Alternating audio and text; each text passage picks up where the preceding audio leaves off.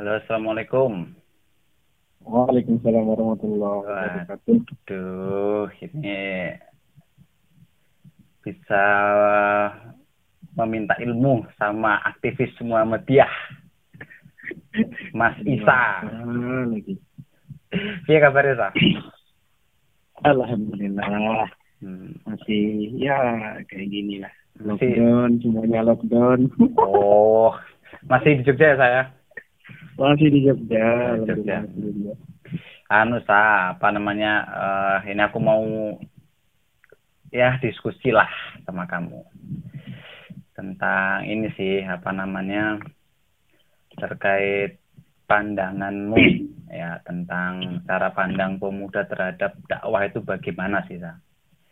Hmm. itu sih jadi setidaknya kan kita ini kan punya pandangan ya tentang dakwah di Indonesia apalagi kan eh kamu ya tak lihat tuh kan eh, kuliah di UAD benar nggak Sa? Ya, kuliah di UAD. Jurusannya apa Sa? jurusan pendidikan agama Islam. Wah penjagaan agama Islam ya pas ini jadi kader Muhammadiyah untuk menyebarkan paham Muhammadiyah kepada masyarakat ya Amin, amin. Oh iya, ini saya mau tanya sih di antaranya itu sih apa namanya eh, bagaimana sa pandanganmu ketika kamu di kuliah di Muhammadiyah terus aktif di Ortonom Muhammadiyah itu kamu rasakan itu bagaimana? Ah, ketika ini ya, memang dari awal dulu ya Iya cerita. iya cerita aja. Kalau sejak dari apa ya, dari kecil itu udah dihadapkan dengan ini sih, dengan apa eh, keli- eh, sekelilingnya itu ke Muhammadiyah semua. Hmm. Bapak aktivis Muhammadiyah, ibu juga Isya dan eh, dimasukkan di sekolah-sekolah Muhammadiyah. Hmm. Jadi eh apa ya suasana dari kegiatan-kegiatan Muhammadiyah itu sudah terasa sejak kecil. Kemudian di kuliah juga masuk di UAD yang mana ini perguruan tinggi Muhammadiyah. Hmm. Kemudian masuk juga di salah satu organisasi otonomnya Hmm. eh, di IMM Hmm. di IMM itu juga kegiatan-kegiatannya banyak bersinggungan dengan Muhammadiyah. Jadi saya merasa apa yang saya ambil itu ya ikhlas sih. Hmm. Ya berarti kan sama aja gini ya saya. Kamu ini Muhammadiyah ini kan lahir di Yogyakarta. Terus kamu kan ibaratnya eh, menuntut ilmu langsung di tempat lahirnya Muhammadiyah itu ya. Hmm. Jadi kan banyak sekali apa namanya ilmu yang kamu am- ambil di sini saya. Hmm. Banyak sih mas, Hmm. banyak, banyak dari kalangan-kalangan dosen juga kan banyak aktif jadi aktivis Muhammadiyah. Hmm. Kemudian teman-teman juga banyak yang eh, apa bersua langsung atau masuk dalam struktural Muhammadiyah di tindakan di tindakan PDN, BWM banyak lah Hmm. maka banyak sekali eh, pengalaman-pengalaman yang eh, didapat dari semuanya itu karena kan semuanya eh, ini ya tidak tidak lari dari pengalaman ilmu juga juga Iya iya iya. juga juga dari situ juga. Diskusi ngobrol dan sebagainya sambil ya banyaklah gerakan-gerakan yang dibuat oleh kawan-kawan saya itu. Hmm. Nah, kamu eh, apa namanya ini sa apa namanya punya nggak sih sa idola dalam berdakwah itu? Kan karena kan saat ini kan banyak banget kan ustadz-ustadz yang muncul dan mungkin hits-hits loh. Banyak lah mungkin dari ustadz dari Muhammadiyah sendiri. Kita mungkin punya Ustadz Adi Hidayat yang top nah terus mungkin dari kalangan NU ya kita mungkin kita kenal ada Gus Baha, ada mungkin Ustadz Abdul Somad dan mungkin banyak lah Hakim. Nah, kamu punya nggak idola dalam berdakwah itu punya nggak? ada sih mas Ah, ada ya. kalau saya itu ah, yang pertama ini bapak saya ya Wah, coba coba coba. Pertama bapak saya karena memang dari dari kecil nggak tahu ya Hmm. Eh, saya sering diajak sama bapak Hmm. ketika Betul ya. eh, ketika ada kegiatan Muhammadiyah apa ya ternyata di situ perkataan di situ sambil ya secara tidak sadar saja. Hmm. Terus yang kedua itu yang uh, baru meninggal kemarin. Siapa? Start Yun. Isron Mukhtar. Oh, oh ya ya ya ya ya. Nah, itu uh, sekretaris apa pimpinan wilayah Muhammadiyah kebetulan juga dekat rumahnya di kampung. Hmm. Salah satu kehidupan juga dalam berdakwah. Kampung mana tuh, Sah? Yang dari Temanggung gitu ya. Oh, Temanggung ya. Jawa Tengah berarti ya. Nah, wilayah Jawa Tengah. Iya. Heeh. Nah, itu itu saya dua orang itu kalau misalkan di eh, lingkup kita gitu ya kan. Hmm. Dari Ya. Nah, kita. Kalau ini sa apa namanya ya semua itu kan pasti ada perbedaan ya. Ormas-ormas itu kan kalau di kita mungkin ada Muhammadiyah ada NU mungkin nanti ada Salafi ada banyak lah mungkin ada eh, apa namanya eh banyak lah pokoknya ya Islam itu kan eh, ormas-ormas itu ormas Islam itu. Nah kamu bagaimana sih kamu seorang pemuda itu memandang perbedaan ya. Terus perbedaan dalam berdakwah. Mungkin metodologi dalam berdakwah itu kan ada perbedaannya. Nah mungkin ada perbedaan lah.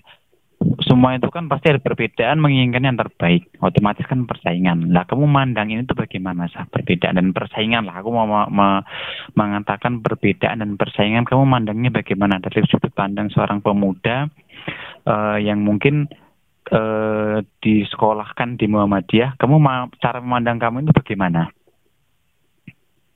Saya Mm-mm. menanggapi perbedaan. Mm-mm. Eh, bagi saya pribadi, eh, ya tergolong muda ya, ya muda aja digolongkan masih muda. Iya. ya. Itu biasa aja mas. Hmm. Kalau saya manusia biasa aja, karena perbedaan itu kan apa ya? Kata Pak Abdul Mujib itu kan sunatullah. Iya, iya. Perbedaan kan ya, iya sunatullah. Nah, kemudian perbedaan cara berdakwah ya itu dikembalikan lagi pada masing-masing pendakwah. Karena satu jelas para mubalik, para apa pendakwah itu mempunyai ciri khas sendiri-sendiri dalam melakukan dakwahnya. Hmm. Apalagi yang muda-muda ini. Hmm. Eh, kan kebanyakan sekarang ada itu kan apa istilah-istilah dakwah virtual Mm-mm. dan sebagainya. Nah itu hal-hal yang yang baru, yang baru dan apa ya dibilang kekinian lah Mm. eh, dan cocok untuk para pemuda.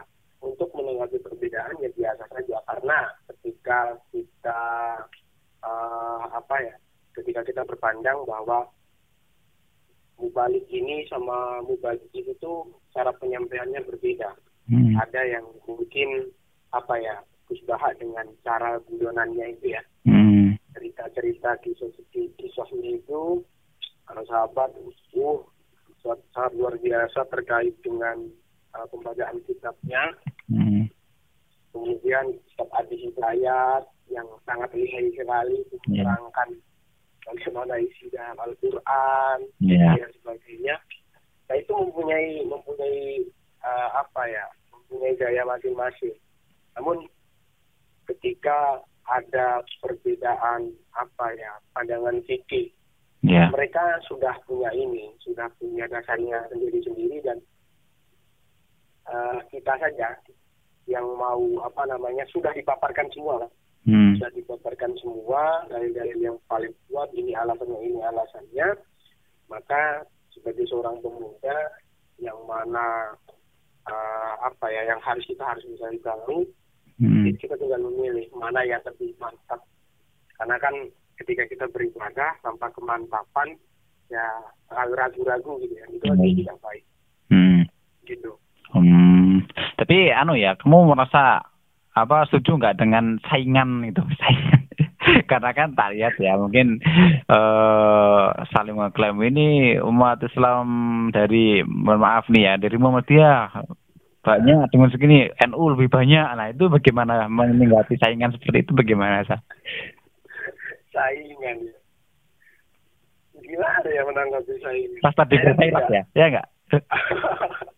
Mungkin Mas Tabikul Khairatnya kan dalam kebaikan. Iya, Tapi Kalau da- dalam apa hal-hal itu saya kurang setuju ya Hmm. terkait dengan saingan-saingan itu.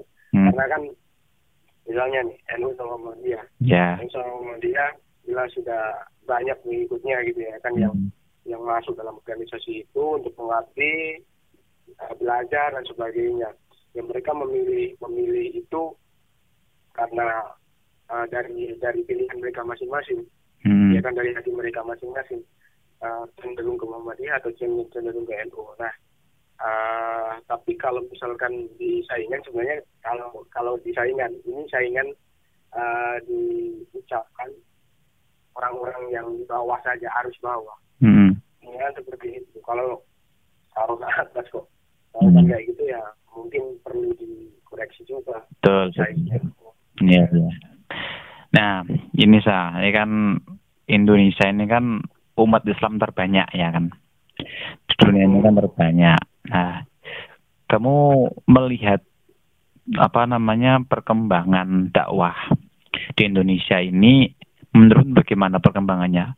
Menurutmu itu cepat atau lambat itu loh untuk menyebarkan Islam karena kan mungkin kalau dulu kita mengenal Wali Songo dalam menyebarkan Islam di tanah Jawa kan mungkin dengan berbagai metode kan mungkin dengan kebudayaan dengan itulah menurutmu sekarang ini eh, penyampaiannya itu cepat atau lambat Sang? kalau kalau dilihat dari ini ya kontekstualisasi dan kontekstual eh, apa konteks sekarang ini ya Hmm. konteks sekarang itu cepat karena lewat media Oh iya betul betul. Iya karena lewat media sekarang sekarang itu eh, ini ya ada guyonan itu dari dari apa eh, salah seorang yang pinter. Hmm. sekarang itu tidak apa ya eh, Ustadz sekarang yang diikuti sekarang itu bukan karena ini apa karena tuntunan atau apa ya karena subscriber dan yang lainnya Iya iya iya. Nah itu. Sekarang kan kayak gitu fenomena. Betul betul. ya kan fenomena sekarang kayak gitu. Jadi kalau misalkan dilihat dari perkembangan perkembangan dakwahnya perkembangan dakwah itu sangat cepat lewat media. Hmm. itu juga ada ini ya apa namanya ada kekurangannya memang. Hmm. uh, perkembangan itu. Karena uh, terkadang ya media itu kan sering di ini kan ada ustadz yang mungkin dia ngomong bercanda. Hmm. ada terusannya kemudian dipotong Iya. dikeluarkan Ya itulah ya jeleknya ya. Ah, ah. nah kayak gitu Hmm. jadi uh, cenderung ini ya umat ya, umat Islam di Indonesia itu apa ya kerumunan gitu Hmm. Jadi ini ya apa namanya sekarang itu udah ada pola pergeseran eh, metode dakwah ya. Mungkin kalau dulu ya kan dulu kan mungkin cara penyampaiannya kan eh apa namanya harus di, masjid terus mungkin dengan dengan dengan perkumpulan jamaah seperti itu. Nah mungkin kan sekarang semua orang itu kan banyak memakai sosial media, membawa handphone. Nah mungkin sekarang itu lebih sampai jika ini ya lebih cepat pakai metode sosial media gitu ya. ya Hmm. memang ada pergeseran kan karena ya perkembangan zaman kita tidak bisa ini yang tidak bisa apa uh, menghalaunya kan ya bisa Iya. menghadang ya itu ada pergeseran pergeseran pergeserannya ya tadi ya kan coba kalau misalkan dia juga harus harus berterima kasih juga Hmm, hmm, hmm. karena gini eh, kapan kita mau mendengarkan eh, apa Adi Hidayat Gus Baha Hmm. dari jarak jauh sana direkam kemudian disebarkan kalau dulu kan nggak bisa Iya betul. Ya kan hanya satu itu aja lewat televisi Nah, ah, ah. dan dulu ya kan Dan sekarang kan ada YouTube ini dikatakan Ustadz YouTube itu bahan anak Nah, apa namanya? Hmm, ini ya, aku melihat ya kalau Rasulullah dulu itu kan dalam berdakwah ini kan ada dua ini ya eh, metode ya. Yang pertama ini kan ketika awal-awal Islam beliau ini kan cara berdakwahnya sembunyi-sembunyi. Terus ketika mungkin Islam sudah banyak, Rasulullah ini kan cara berdakwahnya dengan terang-terangan. Nah, aku nih Cal, apa namanya eh jika kamu ya jika kamu ini eh, mendapati posisi dakwah di suatu tempat yang Islamnya belum kuat otomatis kan kamu akan meniru cara Rasulullah yaitu dengan cara sembunyi-sembunyi ya kan dan mungkin ketika udah kuat ya sama kamu akan berdakwah dengan terang-terangan sama juga mungkin halnya ketika kamu ini uh, mendakwahi uh, apa namanya anak-anak zaman sekarang lah ya anak-anak zaman sekarang mungkin ya di era kita inilah yang mereka ini mungkin diajak ke masjid itu susah gitu loh. Nah, mungkin kamu cara mendakwahi kamu dengan metode yang Rasulullah ajarkan ini dengan cara sembunyi-sembunyi dan terang-terangan kalau kamu menurut kamu itu bagaimana caranya sah? Dengan dengan pandangan kita orang-orang orang kita yang sekarang inilah gimana menurutmu itu? Sekarang ya. Ya. Kalau ini dalam konteks pemuda atau gimana? Ya pemuda, pemuda dengan kita. Karena ini kan kita pemuda, udah. Iya dengan. gitu. Iya. Apalagi sekarang kan ah dengan masjid aja kan ogah gitu.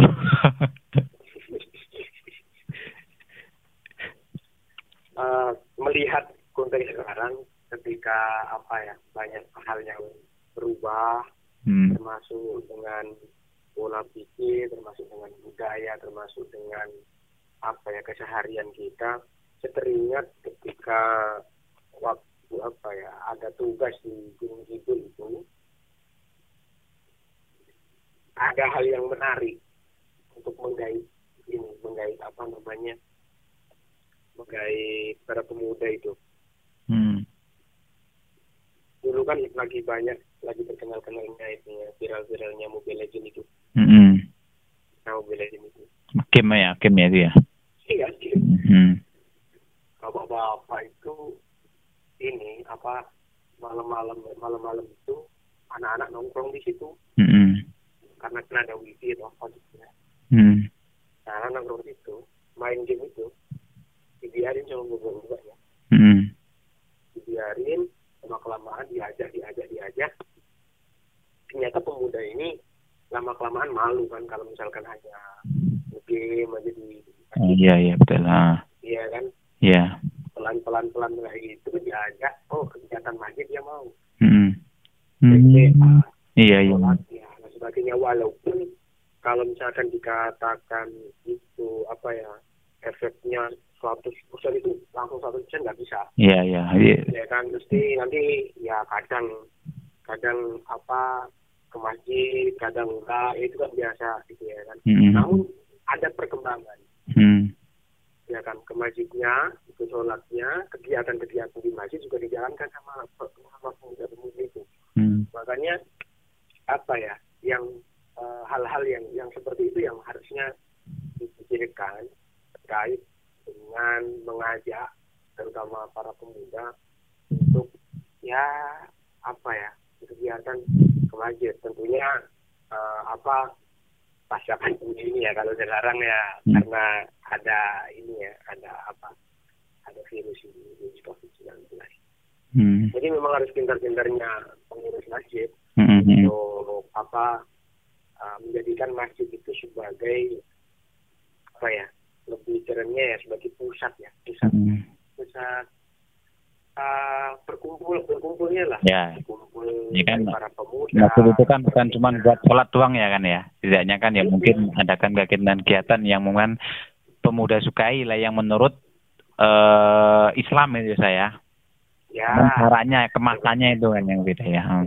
kayak gitu. Ya contohnya di masjid muhajirin ada angkringan buat nongkrong kan pas sholat nanti udah kan yang jualan nanti sholat eh yang lainnya kan ikutan sholat. Walaupun tidak semuanya ya salah satunya kan kayak gitu. Nah salah satu contohnya kan kayak oh gitu. ya ya ya ya. Itu salah satu metode juga ya.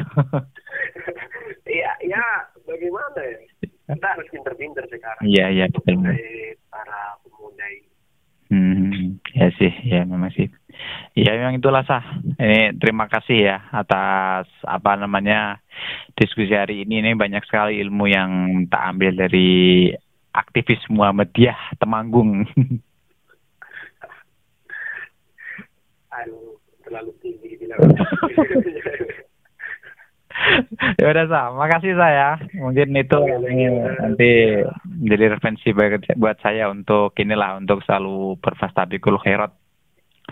Ya, ya, makasih saya. Oke, oke. Ya, assalamualaikum.